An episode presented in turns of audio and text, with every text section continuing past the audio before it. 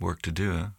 Man's gotta do what a man's gotta do. You, that's right. This is the TPO podcast. Psychopaat, zieke man, gestoord, klootzak. Ja, zo spreek je niet over elkaar. Kwalificaties over Pieter Omtzigt werp ik verre van mij. Britse moslimauteur wil af van If you moslimradicalen. don't like it, if you don't like the pluralist country that we have, please leave. En CNN-mevrouw op haar plaats gezet door zwarte politicus met de verkeerde mening. You've Uh, defended please him. don't cut me off. I didn't. I have not cut you off in this interview. Please do not do that to me. Aflevering Thank you. 259. Thank you. Ranting and Reason. Bert Bresson, Roderick Phalo. This is the award winning TPO podcast. And it is. Ja, ja, ja, ja, ja, ja, ja, ja, ja. Alles goed Ja, daar? ja, ja, ja. Hoe zou het met Pieter Omtzigt zijn? Hè? Daar hoor je nooit meer eens wat van. Nee. Ja, het is vrijdagochtend 11 juni. Vandaag natuurlijk crisisberaad bij het CDA, neem ik aan. Na het lekken van een lijvig memo van Pieter Omtzigt over zijn ja. kijk op de omgang met eh, hem binnen zijn partij. Er zijn beschuldigingen van schimmige sponsors die invloed eh, kopen bij het CDA. De voorzitter van het CDA, Marnix van Rij, is eh, al begonnen met damage control gisteren voor de gezamenlijke pers. Ja, zo spreek je niet over elkaar. Kwalificaties over Pieter Omtzigt werp ik verre van mij. En hij ontkent dat donateurs met 1 miljoen euro invloed hebben gekocht. Nee, dat herken ik niet. Eh, uiteraard heb ik dat ook gecheckt. Eh, het CDA heeft alle regels gerespecteerd die de wet voorschrijft ten aanzien van sponsoring. Wat een ongelofelijke bende. Gisteravond dacht ik, Bert, achter de vrome deur van Nederland heb je het CDA en Gert en Hermien. Zijn zes pools van hoe mensen niet met elkaar om moeten gaan. Nou, ik dacht van eh, het, het CDA landelijk is gewoon eigenlijk hetzelfde als het CDA Limburg. Beetje wat je had kunnen verwachten. Dit is gewoon een, corrupte, een corrupte, immorele bende is het. Vooral dat laatste, ja. Ja, ik weet niet of het corrupt ik- is, maar het is vooral immoreel. Ik vind dat van die donaties, dat geloof ik, dat geloof ik meteen. Als, als Omtzigt dat zegt. Tuurlijk, wat denk je? Dat die lui een miljoen gaan doneren en dan geen invloed willen? Tuurlijk willen die invloed. Dat is het hele idee van, van dat je grote bedragen doneert. De uitweg is nu dat ze zeggen ja, dat kwam op het laatste moment binnen. Dus Ja, volgend en- jaar staat het op de, balans, om het maar even zo te Nee, oké, maar er staat het op de balans. Maar dat, dat, dat zegt nog niks. Ik bedoel, het gaat er niet om eh, dat het wel of niet gemeld wordt. Waar het om gaat is dat het mensen zijn met heel veel geld. Die doneren heel veel geld aan het CDA. Ja, tuurlijk hebben die daar dan via achterkamertjes en wandelgangen en dergelijke... hebben die gesprekken met elkaar. Die dan zeggen van, nou ja, ik, ik heb geld gedoneerd. Ik verwacht zus en zo van het CDA. Je, je, doneert niet aan het CDA zomaar voor de lol. Dat is natuurlijk naïef om dat te denken. Of zou je sowieso niet voor de lol doneren aan? Hoe gebeurt Nou ja. dit bij andere partijen ook? In Amerika gebeurt dat. Is dat de Ja. normaalste zaak van de wereld volgens mij? Precies. Maar in Nederland eh, eh, spreken we daar niet over. Maar misschien gebeurt het wel gewoon.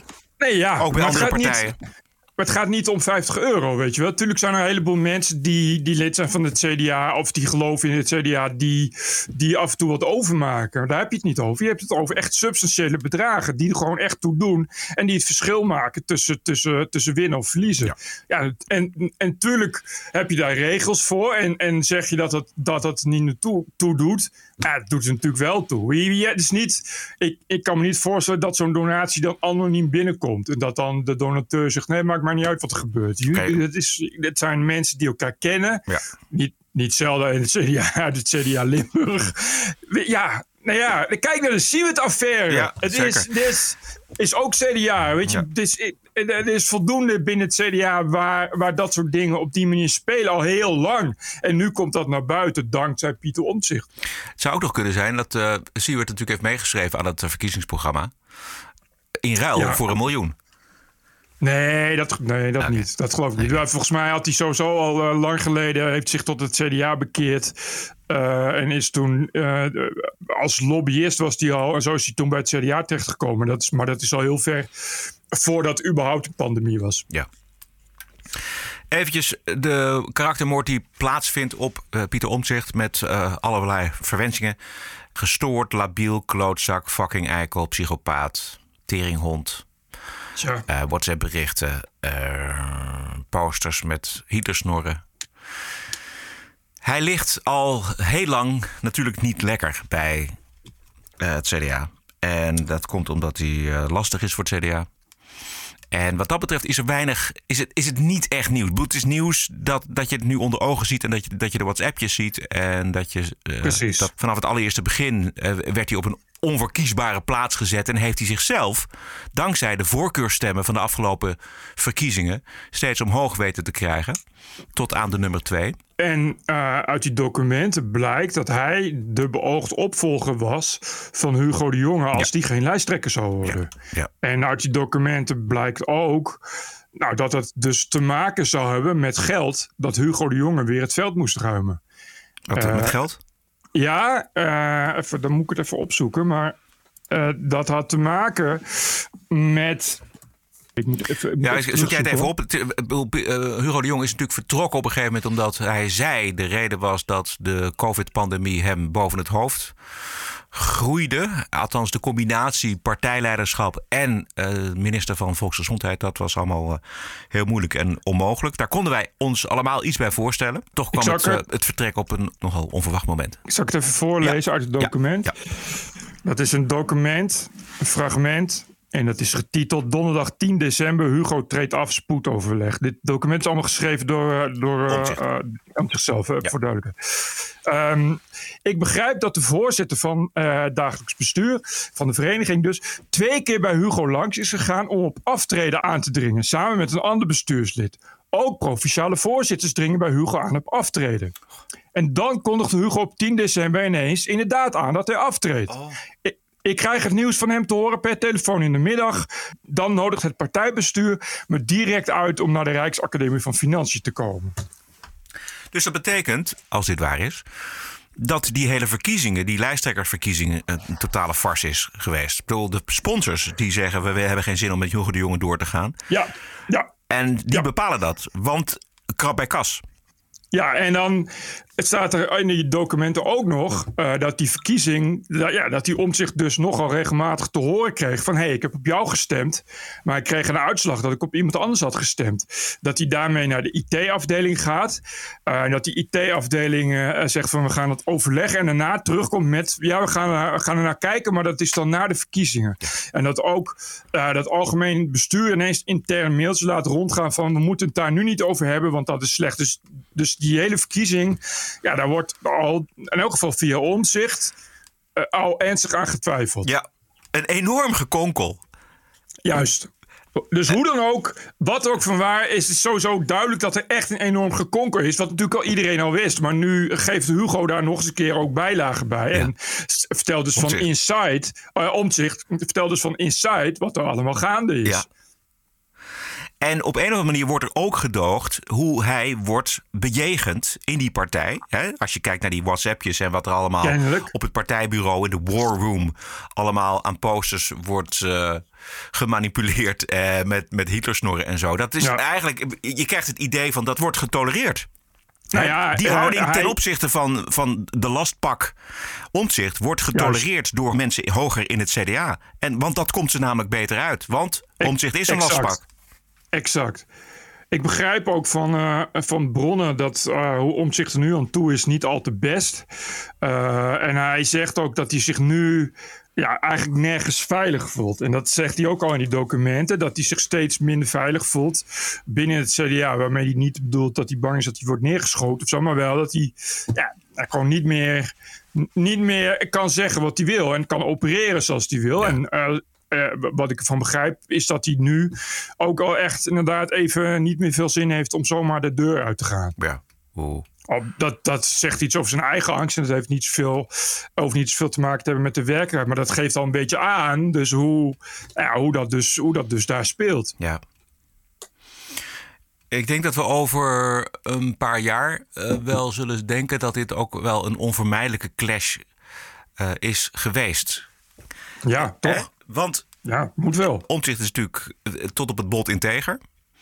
Uh, te integer voor de politiek misschien wel. Te integer in ieder geval voor het CDA. Te lastig voor het CDA. En hij is ook iemand die, die focus, die kan enorm goed focussen op wat hij, hij belangrijk vindt. Maar verliest daarbij, of kan daarbij, het algemene partijbelang en de rest uit het oog verliezen. Dat is ook een beetje een, Juist. een karakterkwestie.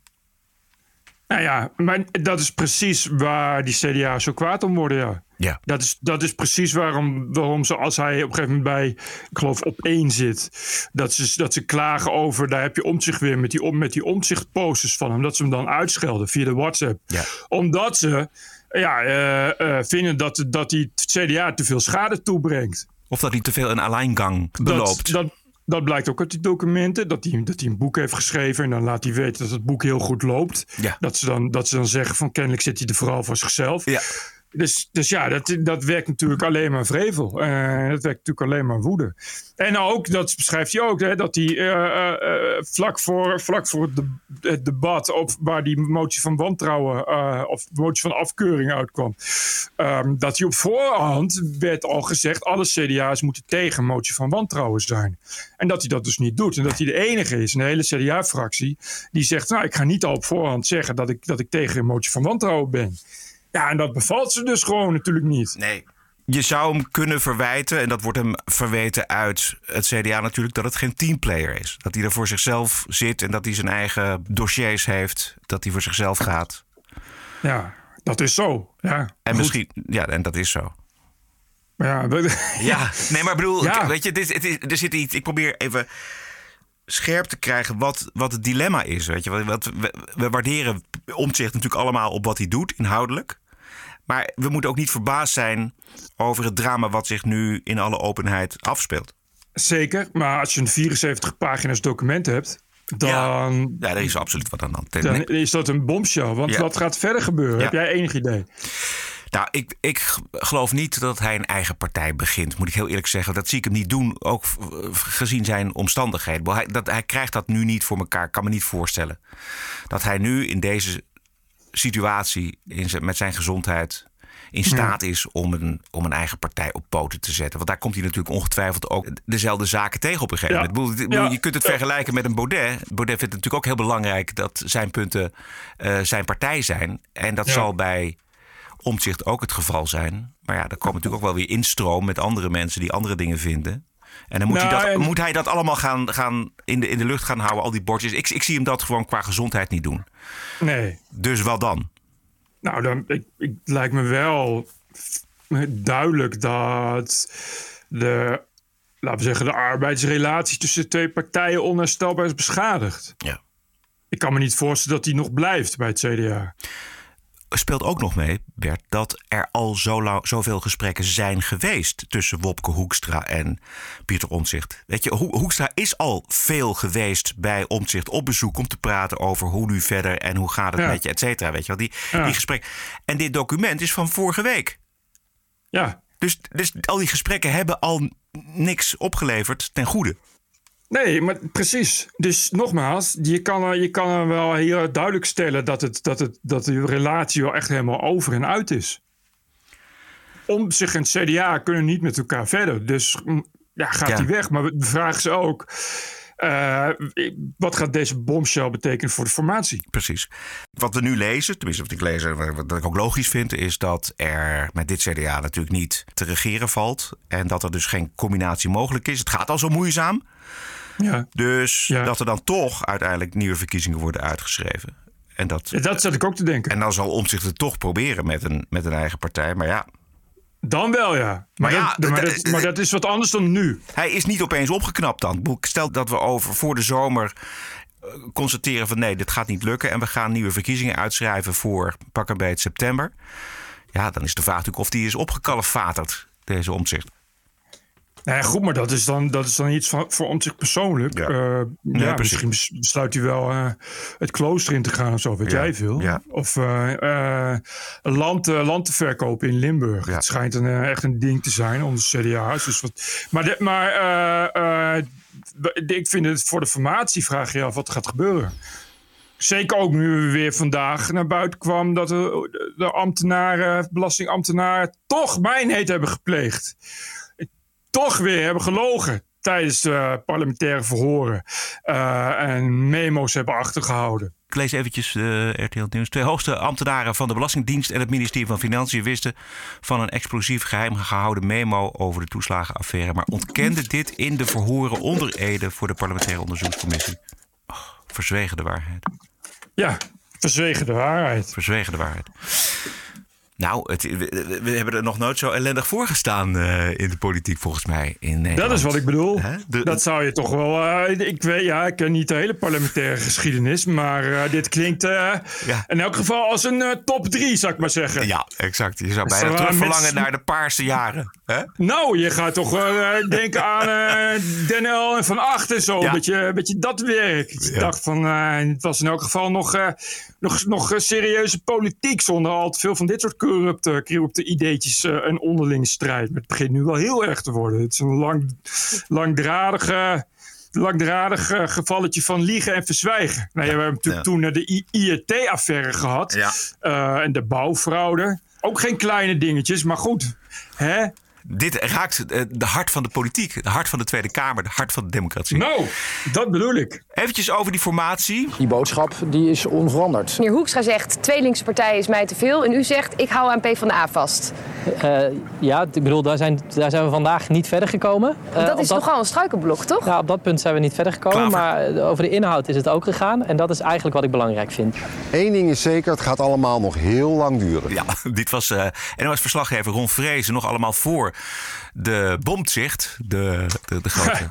Ja. Het is er zo uh, onformeerbaar en, uh, en steeds minder van wat er gestemd is. En ja. met, met het gevoel wat leeft onder de kiezers dat, het, dat er allemaal mm, dolken in ruggen worden gestoken en dingetjes ja. in de doofpot wordt gestoken. En Mariette Hamer van de PVDA die Miliane Ploemen van de PVDA uitnodigt. En Jesse Klaver uh, die een links blok vormen. Dus, Waar dus niemand op zit te wachten. Precies. Niemand, eh, dat is dus. Dus ja. er gebeuren alleen nog maar dingen waar niemand op zit te wachten. Ja, en ondertussen, en, en, bij, aan, aan, de andere kant bij D66, Kaag die heeft helemaal geen zin meer in zegers van de ChristenUnie, weet je wel. Dus die zet ook de hakken Thuis. in het zand voor dat alternatief. Juist. Uh, en je krijgt nu, Wilders roept nu alweer ja. inderdaad uh, debat, terecht. Ja. Je kan, de, de Kamer kan hier niet aan voorbij gaan. Nee. Uh, ook, weet je, de, je desnoods komen ze tot de conclusie dat alle 75 pagina's van het document zijn verzonnen door omzicht. Maar dat betekent niet dat je eraan voorbij kunt gaan. Je moet het daar dus over hebben. Hè, dus, dus, dus is iets, wederom iets wat veel druk en uitstel zal leggen op de formatie.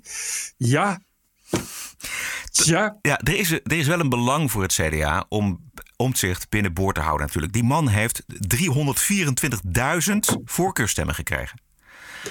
Exact, dat en, is dus het punt. Ja, nee, dat is dus het punt. Wil je er vanaf? Nou ja, nee, want het is een stemmentrekker. Exact. En natuurlijk. Nogal, zijn laat Precies. En er zijn vast een hoop mensen die op hem gestemd hebben, die sowieso op het CDA gestemd ha hadden en niet anders dan het CDA zou stemmen. Maar het is inderdaad wat jij zegt. Het is natuurlijk is het een enorme stemmentrekker. Dus er dat is... zijn zes zetels. Ja, Zoiets. dat is extreem belangrijk.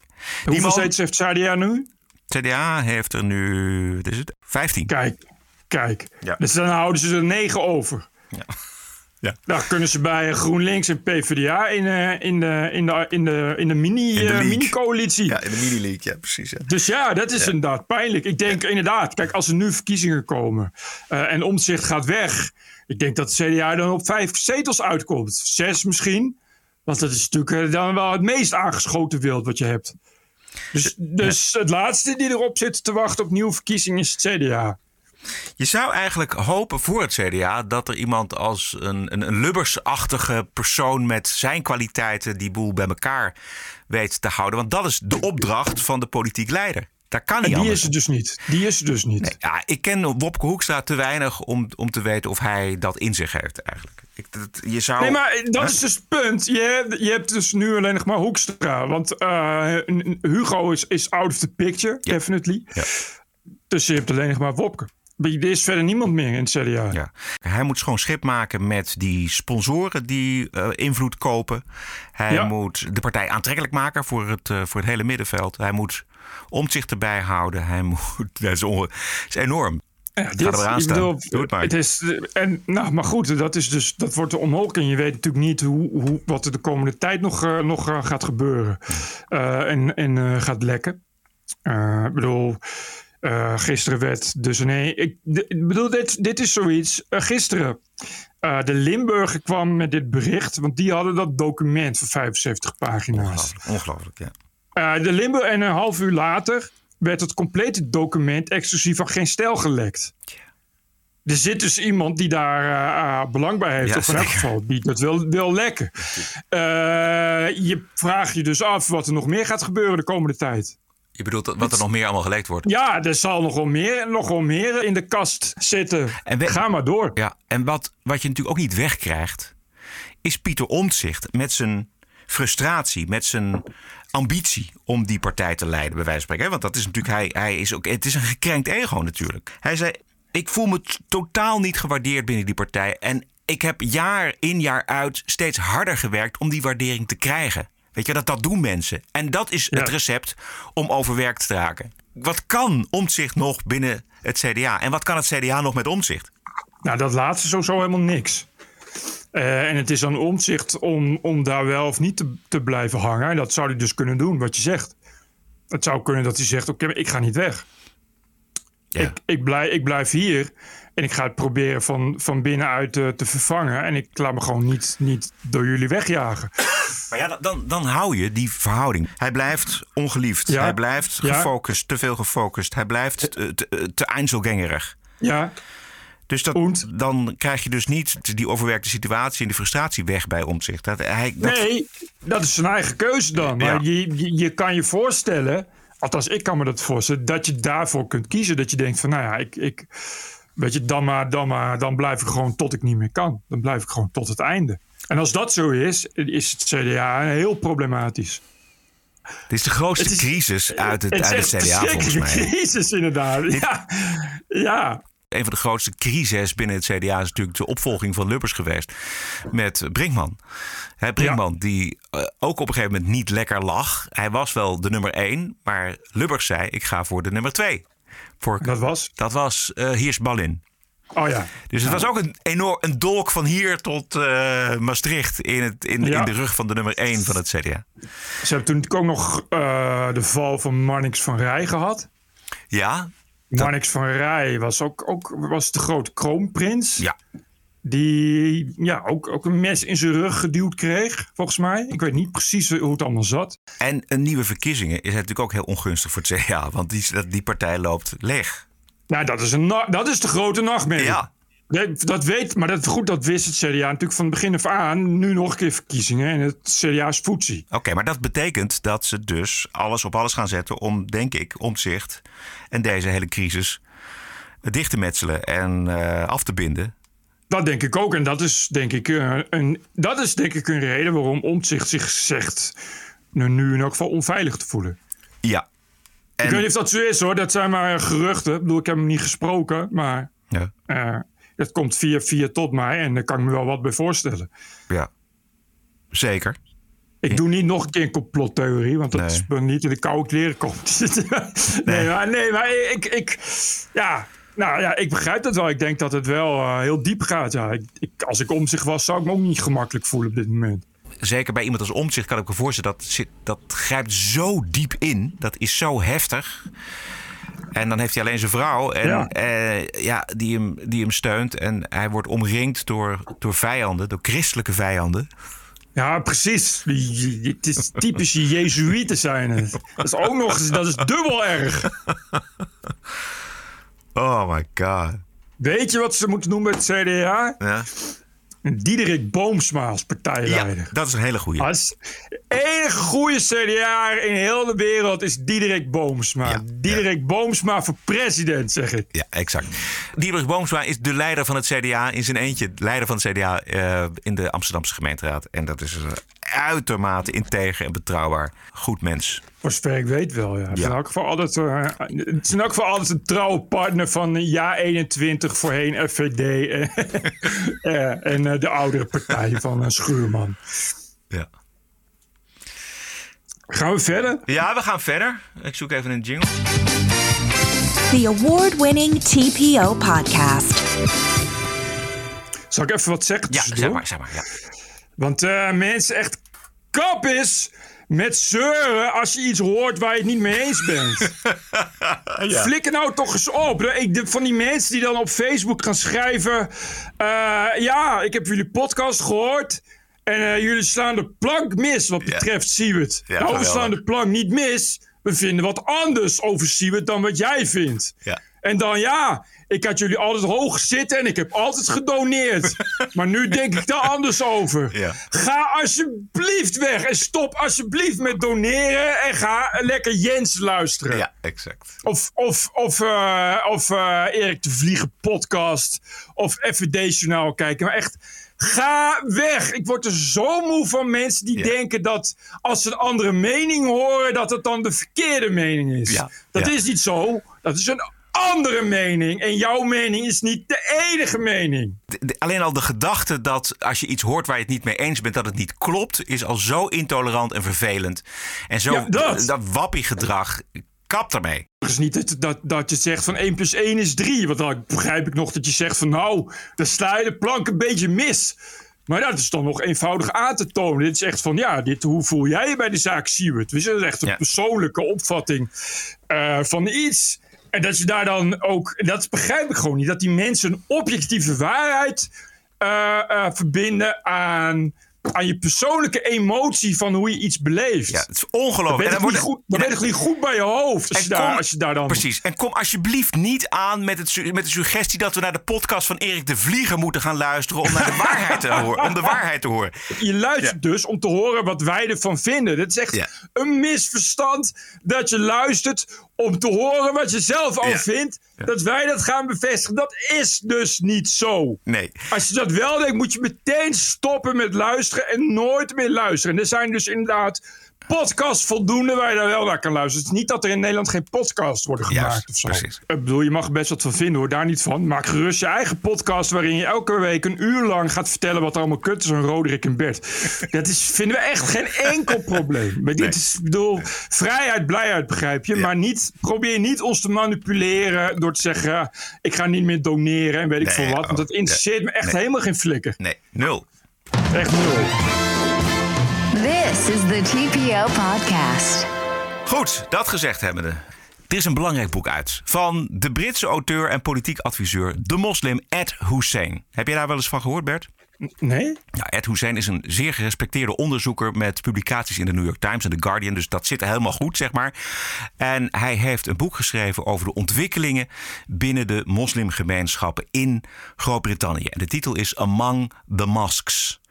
En dit is er aan de hand volgens Ed Hussein. I'm concerned about the future of the country because currently we have a Muslim population of about 4 million, and that's the demographic that's growing most. By the year 2050, according to the Office for National Statistics projection, we'll have about 13 million Muslims.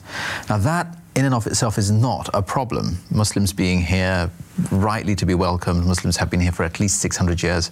You know, Muslims have been trading with Britain going back to King Offa in the 760s. So that's not the problem. The problem is the kind of uh, Muslim communities, in the plural, that are emerging. And I just say one thing to you, and I end this answer, and that is that currently, with a population of about 4 million Muslims in the UK, we've seen radicalization come out of sections. You know, the vast majority of Muslims are peaceful, law abiding patriots. That's why they're here, because they love this country and they want to be here. But there are small, I think Gramsci said, a disorganized majority can be controlled by an organized minority. And we're seeing an organized minority who've produced almost kind of 42,000 terror suspects, which are under MI5's watch. That's serious.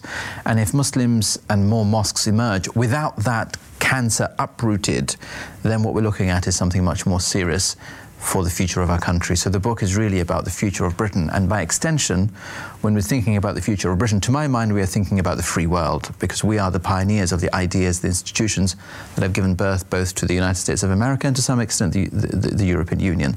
So this country fundamentally matters for world order. Ja, dit klinkt als een heel belangrijk boek. Wat een wijze woorden. Ja, 4 miljoen moslims nu. eh, in Groot-Brittannië 13 miljoen moslims eh, over 30 jaar. Ja, en in de huidige populatie bestaat dus. De huidige populatie is al eh, zeg maar een goed georganiseerde radicale minderheid van 42.000 terreurverdachten, zegt hij. Hè? Eh, die worden in de gaten gehouden door MI5, Britse inlichtingendienst. En, naar, en naarmate. Ja, zeg. Dit is dus een ex-moslim, of, of, of een moslim in elk geval. Dit is Iemand een- die er verstand van heeft. Dit is een moslim. Hij is in zijn jeugd is hij geradicaliseerd. Dus hij weet waar hij het over heeft.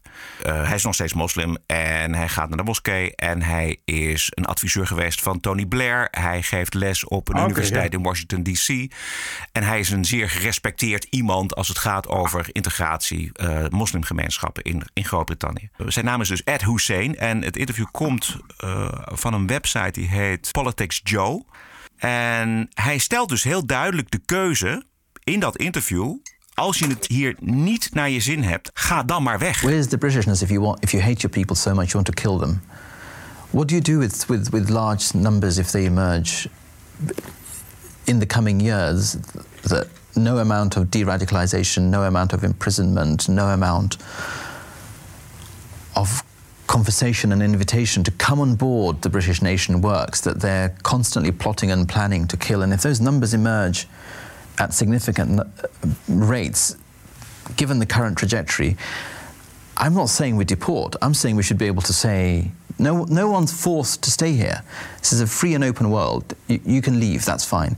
Right now, we don't have the confidence to be able to say to someone, if you don't like us and if you want to kill our people, no one should get on the train in the morning and feel afraid that someone might blow themselves up.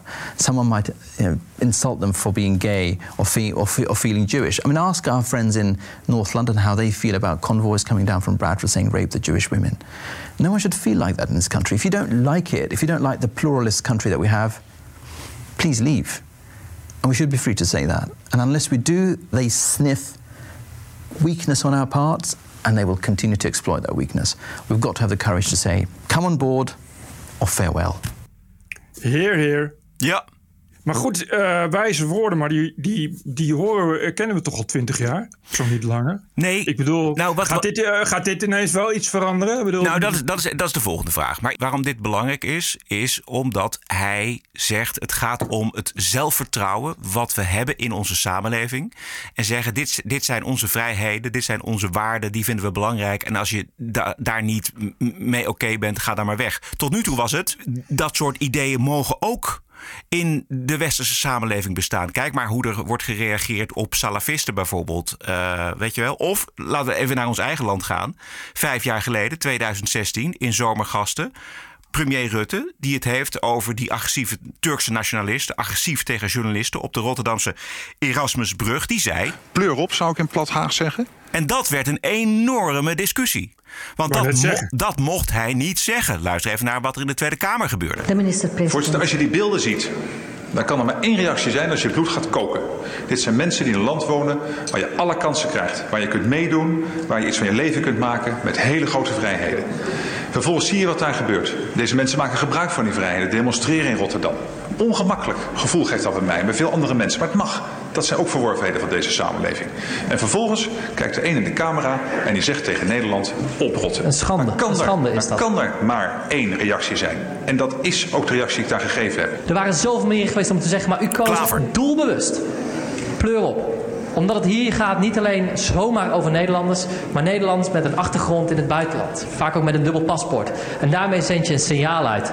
Je bent hier welkom, als je je niet gedraagt, mag je wat mij betreft oppleuren. Dat is een premier onwaardig. En ik zou willen dat de premier dat hier gewoon toegeeft. Dit is het narratief wat we lezen in de kranten. Dit is het narratief van links. Dit is Precies. het narratief van progressief Nederland. Dus je mag het niet zeggen. Je mag het niet zeggen, want dan zit je bij je PVV, dan ben je Wilders. eh, en je mag het als premier al helemaal niet zeggen. Nee, precies. Rutte hield zijn rug recht. Wat wij hier in de afgelopen 20, 30 jaar te weinig hebben gedaan. En dan wijs ik ook naar mijn eigen partij. Dat geldt voor ons allemaal. Is opkomen voor die waarden van deze samenleving. En ik, ik zeg er één ding bij tegen de heer Klaver.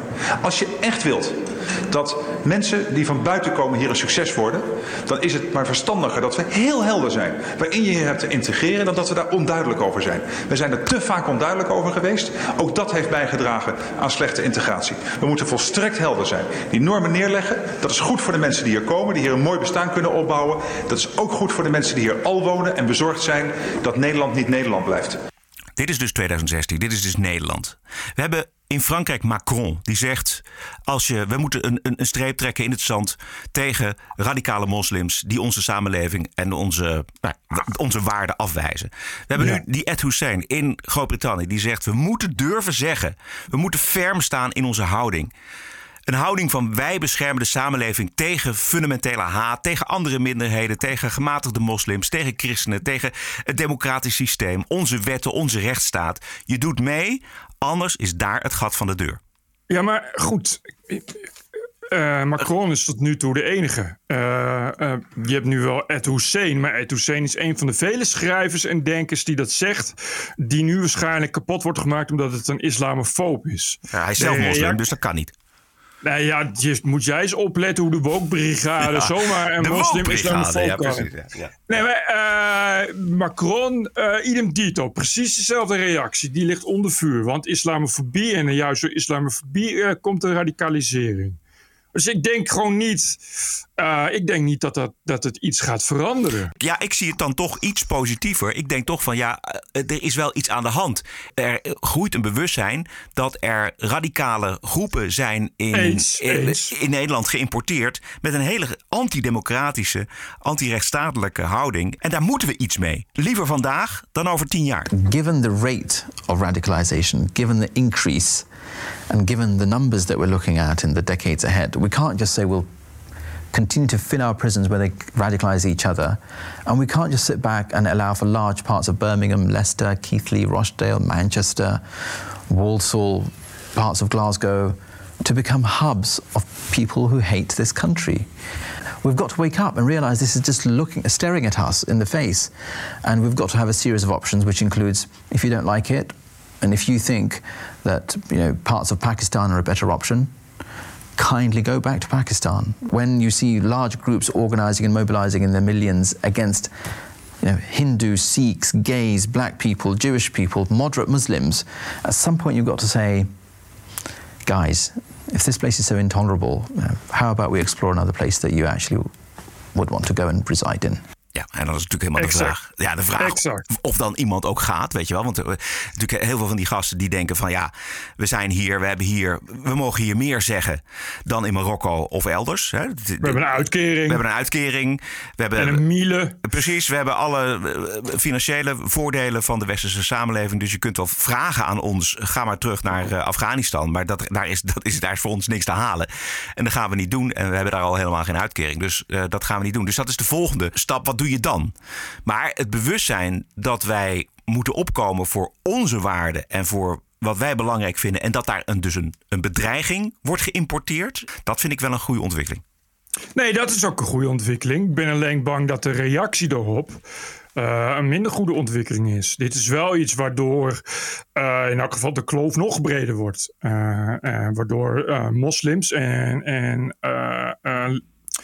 antiracisten en links de hakken verder in het zand zitten. Dat is de vraag, Bert. Want die radicalen die verzieken ook het leven van gewone moslims.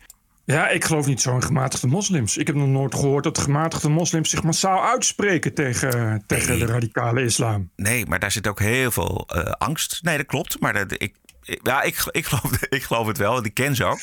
Kijk, wat, we wel, wat je wel hebt, is, is bijvoorbeeld wat er nu in Denemarken gebeurt. Dat, je, uh, dat is toch de, de, de Deense PvdA die nu ja. ineens keiharde eisen stelt. Uh, en, en bijvoorbeeld uh, vluchtelingen wil gaan opvangen in de regio. Ja. Wat was toch het, het grote verboden woord voor progressief, voor progressief, voor progressief Europa was, zal ja. ik maar zeggen. Ja. Dus daar zit wel een kenter in. Maar ik denk ook dat de reactie daarop uh, ja, dat die, dat die wel forser gaat worden. En ik zie het niet zomaar. Wij, kijk, wat, wat, wat uh, uh, Ed Hussein hier allemaal zegt. Ja, is toch een beetje wat Wilders al 15 jaar zegt. Ik, ik bedoel. Ja, dat voor klopt. gedeelte. Maar dit... Dus namelijk zeggen van laten we de, de influx van islamitische vluchtelingen uit, uit moslimlanden, laten we die, laten we die tegenhouden. Maar ja, dat is tot, tot op heden is de reactie erop vooral dat je een racistische, fascistische neonazi bent en een islamofoob. Oké, okay, maar als dus belangrijke mensen als Macron en als deze Ed Hussein en als uh, de, de Deense Partij van de Arbeid, die uh, de grootste is in Denemarken, dat zijn toch, ja, toch puntjes van hoop. Zeker. Ik durf het bijna niet te zeggen, maar... Een hoop? Hoop? Vind, ja, nee, maar ik vind dat dus heel goed. Als Macron zijn rug weet recht te houden... dan zal hij op een gegeven moment ook zelfs iemand als Kaag van gedachten doen veranderen. We hebben een probleem. Ja, nee, dat ben ik wel met je eens. En datzelfde bedoel, geldt voor deze is- Ed Hussein. Ik denk ook wel eh, dat dat iets is wat natuurlijk al wel al een tijdje gaande is. Ja. Ja. Denk, hè, de- als je kijkt naar hoe het 20 jaar geleden was en hoe het nu is, is het toch ineens zijn er toch wel een hoop ogen open gegaan. Ja. Over zowel de islam als over de radicale islam. En over de verhoudingen die dat moet gaan geven in vrije westerse democratie. We hebben natuurlijk ook een hoop aanslagen te verwerken gehad, dus dat scheelt ook. Maar dit, dit, wat ik zeg, kijk, iets als Ed Hussein, staat natuurlijk niet op zichzelf. Daar komen natuurlijk steeds meer van.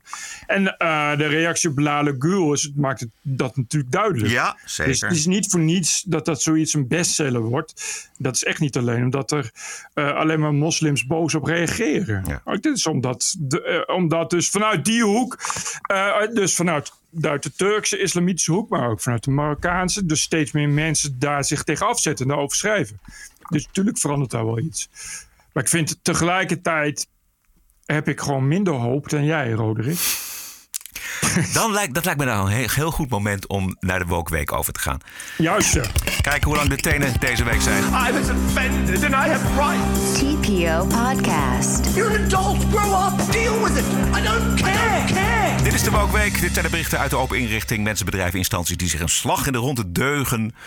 En die buigen voor de terreur van de identiteitsideologie. Beetje aansluitend op de, het verhaal wat we net hadden over Ed Hussein. Eh, de leraar op eh, de middelbare school in Engeland, misschien weet je dat nog wel, die geschorst was en vervolgens moest onderduiken omdat hij een cartoon van profeet Mohammed had laten zien in Engeland. Ja, ja. Die mag terugkomen als leraar op die school. Op voorwaarde dat hij nooit meer een plaatje van Mohammed laat zien. Serieus? Ja. Overwinning Dat voor, voor de religie van vrede en eh, zijn meest agressieve aanhangers in een eh, voorheen eh, liefelijk niks aan de hand dorpje in het noorden van Engeland. Desondanks zal de moslimgroepering niet tevreden zijn, want de eisen waren, zoals altijd, hoger. Weet u nog? We do not accept that the school has taken this issue seriously, given that it's taken them four days to merely suspend only one of the teachers involved. The incident from Monday, 22nd of March, must also be investigated from a criminal perspective. Criminal. Criminal. Given that it was a clear attempt to stir up religious hatred. We also use this opportunity to call upon the entire British Muslim community to review the materials being taught in their children's schools volgens mij heeft Ed Hussein het over dit tuig. Deze mensen die een directe aanval op de vrijheid van godsdienst, op de vrijheid van onderwijs, op de vrije meningsuiting. Alles wordt hier aangepakt door deze radicalen. Dit speelde maart volgens mij, een paar maanden geleden.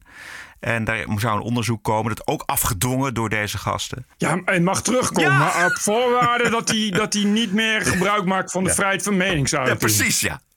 Wat is het nou voor... Wat is het nou voor Verschrikkelijk, ja. onbegrijpelijk? Ik vind het echt onbegrijpelijk. Ja, ik denk, het is, laatste is daar nog niet over gezegd. Ja, ja, nee. Ja, dat kan toch niet? Nee. Er, is toch, er zijn toch wetten voor Ja. ook? Dit raakt in de kern waar Hussein het over heeft. Laten we hopen dat hij het daarover heeft. Want dit is een moslimgroep voor de poorten van een school... die demonstreert en een leraar vanwege een Mohammed-cartoon een terrorist noemt. En eist dat hij vertrekt en dat er zelfs een, een, een criminal investigation... dus een, eh, een strafrechtelijk onderzoek volgt. Dit is waar hij, dit is waar hij het over heeft. Dit is waar hij het over ja. Nou, als we dat toch over hebben. Ja. Eh, ik las. Je had in Nieuw-Zeeland, Nieuw-Zeeland, sorry. Die, in Nieuw-Zeeland de aan, die aanslag waarbij eh, moslims werden doodgeschoten. Ja. Eh, daar gaan ze een film over maken. En dan vooral over de reactie van de premier. Dus het wordt een, gewoon, een- gewoon geen, eh, geen eh, spannende thriller, maar een soort politiek drama. Ja. En dat mag niet van de islam. Mo- moslims vinden dat nog veel te vroeg. Oh ja? Moslims in Nieuw-Zeeland hebben gezegd, hebben een gezamenlijk statement, dat ze niet willen dat er nu al een film over wordt gemaakt. Want de wonden zijn nog veel te vers. En Nieuw-Zeeland kennende ge- gaan ze daaraan toegeven. Daar ben ik dus ook bang voor. Terwijl je zou denken, kijk dan niet. Ja, precies. Wat, maken, wat hebben moslims verder te maken met, eh, met wie welke film maakt? Ja. Weet je, Ja. Maak dan lekker zelf een film waarin het daar niet over gaat. Dat is ook prima. Maar, maar dit- zo werkt dat bij de islam werkt dat niet zo. Die zeggen nee. nee, dat mag niet. Nee, nee. Vinden En wij het te kwetsend? Als wij het te kwetsend vinden, Ja. eh, dan mag het niet bestaan. Precies. Nee, het valt in dezelfde categorie als plaatjes, cartoons over Precies. eh, Mohammed. Dus, eh, Ah, ik ben benieuwd wat daar wordt besloten of er wordt uh, toegegeven. Ja, nee, ik ook. Maar inderdaad, wat je zegt, Nieuw-Zeeland kennende en die premier kennende. Ja. Die zal wel, die doet niks liever dan knielen en bukken meestal. Ja. Dus die zal wel in een nopje zijn dat ze weer een knieval kan maken voor de islam. Even Amsterdam. Uh, even heel kort toch eventjes het Slavernijmuseum. Want, nee. We moeten in Nederland af van het witte perspectief op slavernij. En met dat doel is, let op, vier jaar geleden door de gemeenteraad in Amsterdam 100.000 euro uitgetrokken om te zoeken naar een geschikte locatie voor een nationaal slavernijmuseum. En om te kijken of er genoeg draagvlak is voor zo'n museum. De opdracht bleek onmogelijk met dat geld. Want, Goh. leg er maar uit. Een beoordelingscommissie van acht mensen. Medewerking van museum- en diversiteitsexperts. Oud-PVDA-Kamerlid John Leerdam en oud-PVDA-wethouder Freek oh. Ossel waren ingehuurd als consultant. En een lijvig rapport. Eindafrekening 295.000 euro. Drie keer de begroting. Ja, en wat, is, wat heeft dat opgeleverd? Wat het heeft opgeleverd is dat er een locatie inmiddels gevonden is. Aha, locatie. En er is ook, en dat wordt er ergens in Amsterdam-Noord. En verder mogen alleen bedrijven die een substantieel aantal stageplekken verzorgen aan zwarte jongeren, die zouden de instelling mogen bouwen. Ook wordt er gepleit voor een parkachtige buitenruimte voor spirituele ceremonies en een cursus kruiden en afro-natuurgeneeskunde. En een safe space voor emotionele interacties tussen Nederlanders. Het museum moet bovendien een plaats zijn waar bestaande machtsverhoudingen worden doorbroken. Door nieuwe taal helpen maken en nieuwe sociale omgangsvormen te bedenken. Dus dat is een soort plek om te hallucineren nieuwe over taal helpen bedenken. Ja. Nieuwe taal helpen bedenken. Is uh, tot slaaf gemaakt nog niet genoeg. Nee. En, en witte en zo. Heer Jezus. En dit heeft al drie ton gekost. Ja.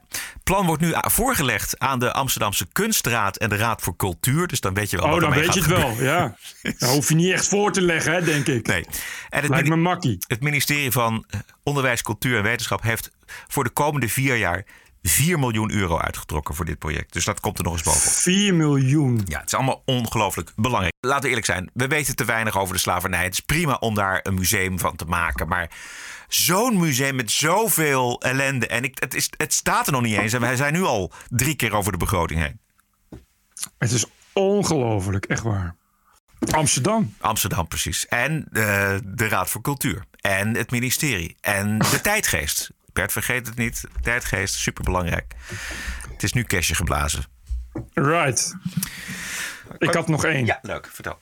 Uh, dat is het artikel in Slate, wat ik doorstuurde. Hmm. Enorm grappig. Je hebt dus uh, Amerikaanse bestseller-auteurs. Uh, die schrijven boekjes voor jongeren. Die, die dan heel goed lopen. En dat zijn gewoon uh, leuke, eenvoudige trillers. Die vooral jongeren goed lezen. En die worden natuurlijk als, een, als de neten verkocht. nou was er laatst één. Die had een nieuw boek geschreven. En daar stond een klein stukje dialoog in tussen twee kinderen. Die besloten zich op zolder te verstoppen. Waarop een, een van die andere hoofdpersonen tegen die andere zei: Oh, op zolder verstoppen, net als Anne Frank. Ja. ja, ik, ja. Nou goed. Daar had één persoon aanstoot aangenomen. En die ging natuurlijk op social media. En die had uh, op het Instagram-account van die schrijfster, want die heeft een Instagram-account waar ze de hele tijd haar nieuwe boeken promoot, een comment geplaatst met: uh, Ja, die, die, die dialoog is, is antisemitisch, kan echt niet. Ja. Waarop dat viraal ging en ineens honderden mensen uh, schreven: Schande, kan echt niet. Ja. En nu heeft die schrijfster gezegd: Ik ga het eruit halen. Ach. Uh, dit was het ene voorbeeld. En ik was nog een voorbeeld van ongeveer hetzelfde. Ik weet niet meer helemaal exact waar het over ging. Ik geloof ook iets wat kwetsend was. En ook zei die schrijven echt inderdaad social media. Drie mensen die iets vonden. En zei die schrijven meteen: Oh nee, dan ga ik het aanpassen. Sorry. Kwetsend, oh sorry. Een nieuw boek. Die volgende druk is eruit. Dit is het tegenovergestelde van onze vriendin van afgelopen dinsdag. You're recruiting children to hate our police officers. How dare you? Dat is de houding die nodig is om de rug recht te houden. Maar, en ook, is, zoals Sleet ook al schreef, want dit, is, dit gaat een stap verder. Want het gaat over fictieve personen die een fictieve dialoog voeren. Ja, het Dat is, toch- ontsproten uit de, het creatieve brein van de schrijver. Je gaat je eigen creativiteit corrumperen. Dat is wat er gebeurt. Exact. Maar dit, gruwelijk is dit- Het is toch bizar dat je alleen omdat er twee mensen dat vinden. Dat je daar, daardoor al. Ja, als je, bedoel, het zijn bestsellerschrijvers, dus die verkopen honderdduizend boeken. Ja. Dat er dan één persoon is die er aanstoot aan neemt. En dat dat een voldoende is om dat dan verwijderen. Dat biedt hele enge, hele enge perspectieven. Dat worden. Als iedereen dat gaat doen, wordt dat hele saaie fictie in de toekomst. Precies.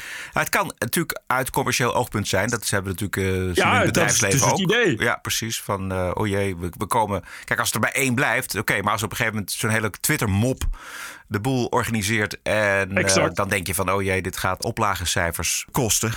Maar laat het in godsnaam nou niet de toekomst zijn. Moeten we nog eventjes hebben over Coca-Cola? Want daar ging ik zelf eventjes eh, voor een deel de fout. Doe maar, ehm, doe maar. Er kwam een blikje, werd er ge- getoond op de Twitters. Ik Pak er even bij. Try to be less white. Try to be less white. Ja, en ik wist dat dat eh, bij Coca-Cola hoorde. Want er is namelijk een bijeenkomst geweest met medewerkers. En daar werd dit gevraagd. Daar zijn notulen naar buiten gelekt. Dus dit, dit, dit, deze vraag, try to be less white... die was gericht aan medewerkers van Coca-Cola. Dat klopte. Maar het blikje suggereert dat nu ook consumenten van Coca-Cola... eh, dat wordt... eh, gevraagd. En dat was natuurlijk niet het geval. Jij hebt mij daar gelukkig eh, op gewezen, Bert. Dank daarvoor.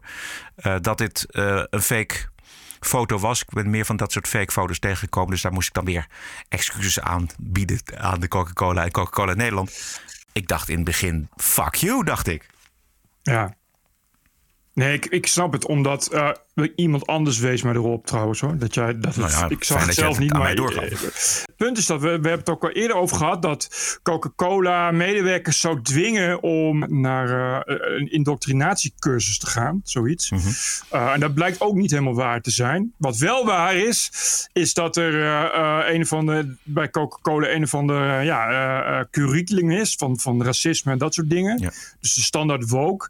En dat daar inderdaad een video in zit van iemand die leert minder, minder blank te zijn. Ja. Eh, wat niet waar is, althans, eh, dat is niet bevestigd, dat je daar verplicht heen moet. Je kan die video bekijken als medewerker, maar het hoeft niet. Nee, oké.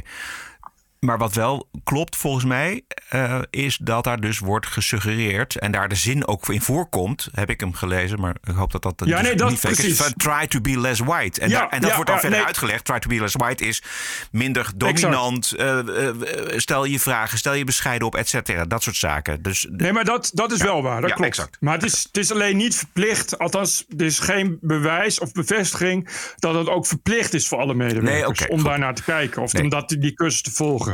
Eh, maar daar komt natuurlijk dus dat idee vandaan dat het op blikjes staat. Maar dat is dus, ja, het is gewoon een hoax. Het is gewoon gefotoshopt. Ja, exact. Coca-Cola heeft dat niet voor de duidelijkheid op Ja. de blikjes gezet. Nee, ko- komt misschien nog, maar nog niet. Dit was eh, wat mij betreft de Wokweek. Ja. Dinsdag meer. What a woke week it was. This is the TPO podcast. Dit is de TPO-podcast. Een eigenzinnige kijk op het nieuws en de nieuwsmedia. Twee keer per week, elke dinsdag en elke vrijdag. 100% onafhankelijk, want zonder reclame en zonder een cent subsidie. The award-winning TPO podcast. Wat is het jou waard? Een euro per aflevering? 104 euro per jaar? Of kies zelf een bedrag? Waardeer en doneer op tpo.nl slash podcast. De TPO-podcast. Wat is het je waard? Ik heb nog twee grappige quotejes uit Amerika. TPO podcast. Ladies and gentlemen, the President-elect of the United States. This is CNN breaking news. We have never, ever, ever, ever failed in America. It's an incredible way of putting it. Telling the truth matters. It's an incredible way of putting it. This is a Russian intelligence disinformation campaign. Why isn't Joe Biden angrier about all of this? How stupid can you be? This is a classic example of the right wing media machine. Sure. You know the facts well. Go ahead. President Biden is in Europa eerste bezoek als eh, president. Biden zit nu bij Boris Johnson, gaat dan naar Genève voor de G7. En eh, dat is dit weekend. En daarna gaat hij naar Brussel voor een ontmoeting met de NAVO-lidstaten. Meer daarover aanstaande dinsdag. En het zal allemaal wel een tikje anders zijn dan met Trump. Al was het maar de informele sfeer. In Europa zullen ze toch niet echt terugverlangen naar Trump. Maar op de Amerikaanse televisie doen ze dat wel. Want de kijkcijfers gaan hartstikke hard omlaag. Alle grote jongens en meisjes van CNN leveren in. En dus fietst CNN Trump erin hoe ze maar kunnen. Dit is een gesprek tussen een CNN-mevrouw en Byron Donalds. En Byron Donalds is een zwarte republikeinse politicus uit het Amerikaanse congres. En het onderwerp is de wens hebben het vaker over gehad, de wens van de Republikeinen om je voortaan te identificeren bij verkiezingen. Oh ja, Democraten en de progressieve pers zeggen: zwarte mensen hebben vaak geen ID en weten ook niet hoe ze dat moeten aanvragen. Hier is het gesprek. You say that actually this will increase access for voters of color for African Americans. That I mean that's just not true. There have been analyses multiple done they're not going to increase access for voters of color. They're going to decrease access.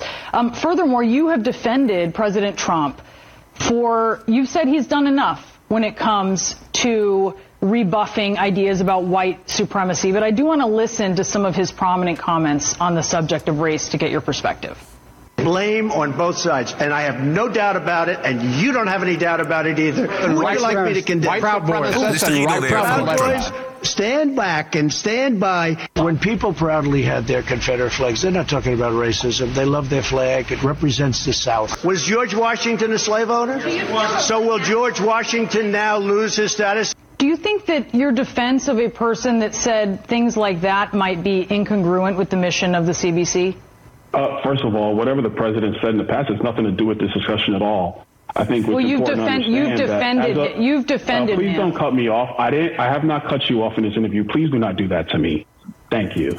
As a black man in America, I'm allowed to have my own thoughts on who I choose to support and who I choose not to support. I think that it's important whether you're talking about the Congressional Black Caucus or the Florida State Legislative Black Caucus. I've had the ability to advocate for uh, issues, ideas, proposals, and funding that have helped the black community in my state. My support for President Trump, uh, whether it's for or against, is irrelevant. That has nothing to do with this discussion. This is whether the uh, ideology of somebody who is conservative is welcome in the Black Caucus. It's really that simple. And so to bring up President Trump and try to make this about him does not matter. It's irrelevant. It has nothing to do with the situation at hand. Ja, maar ze willen het zo graag. Ja. Die andere progressieve tv-zender, MSNBC, daar zit een adjunct hoofdredacteur van de New York Times. Haar naam is Mara Gay. En die mag vertellen hoe groot de dreiging van Trump nog altijd is.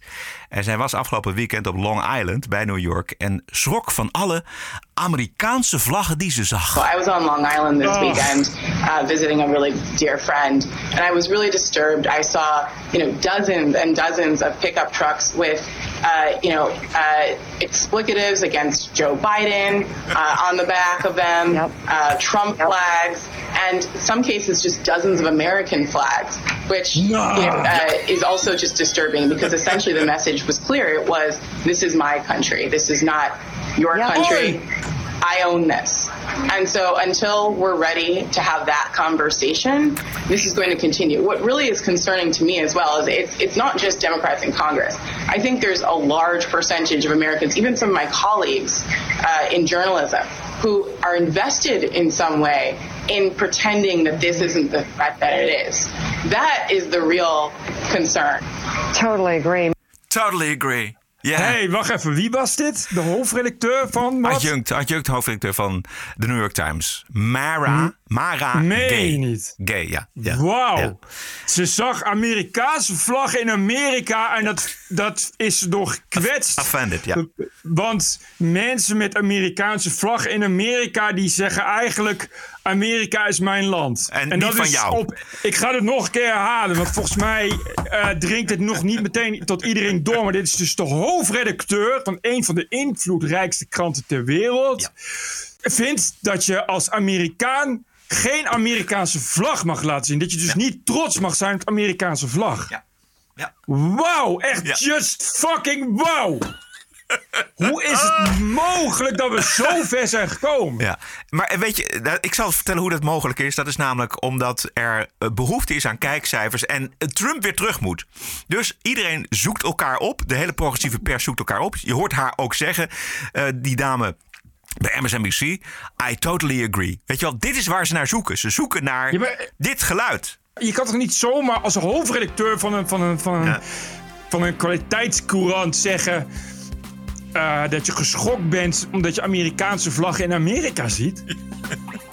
wat, ik, ik bedoel, wat. Ik, dit is totaal wappie. Ja, totaal gekte. Totale gekte. Jesus Christ. Ik Ja. zou, als ik, als ik dit hoorde, meteen een Amerikaanse vlag in mijn tuin zetten. Ook echt. Exact. En dat is ook zo mooi, weet je wel. Het is allemaal elitair, want ik ben op Long Island geweest. Ik- Het, is allemaal, het, is het zijn allemaal hele rijke mensen die daar wonen. Maar zijn, net zeggen eh, dat Long ja. Island wonen dus vooral MSNBC-kijkers en eh, precies. New York Times-lezers. Exact, en zo. dus zij gaat daar op bezoek bij haar vriendin. Dus dat is allemaal, het is allemaal elitair, elitair, elitair. En die kijken dan, eh, ja, die vinden het dan vreselijk als ze zelfs daar Amerikaanse vlaggen zien. Echt bizar. Ik, ik, dit wist ik niet. Dat het zo, ook zo open gewoon, dat je dat doodleuk als adjunct hoofdredacteur gewoon even zegt. Ja. De TPO-podcast is eh, te vinden op onder meer Spotify, Apple Podcast, iTunes en natuurlijk op eh, tpopodcast.nl en tpo.nl. Zeer veel dank voor de ondersteuning van deze aflevering 259. Post kan naar info.tpo.nl en waarderen kan op tpopodcast.nl. We zijn terug dinsdag 15 juni. Stay cool and. Tot dinsdag! TPO Podcast. Bert Bruson, Roderick Balo, ranting and reason. Stay focused. Talk about things that matter to people. You know? It's the economy, stupid. Okay? Podcasting is the TPO podcast in the Netherlands. Bert and Roderick. What a show. I'm telling you. Keep the show running. Go to tpo.nl slash podcast. Thank you.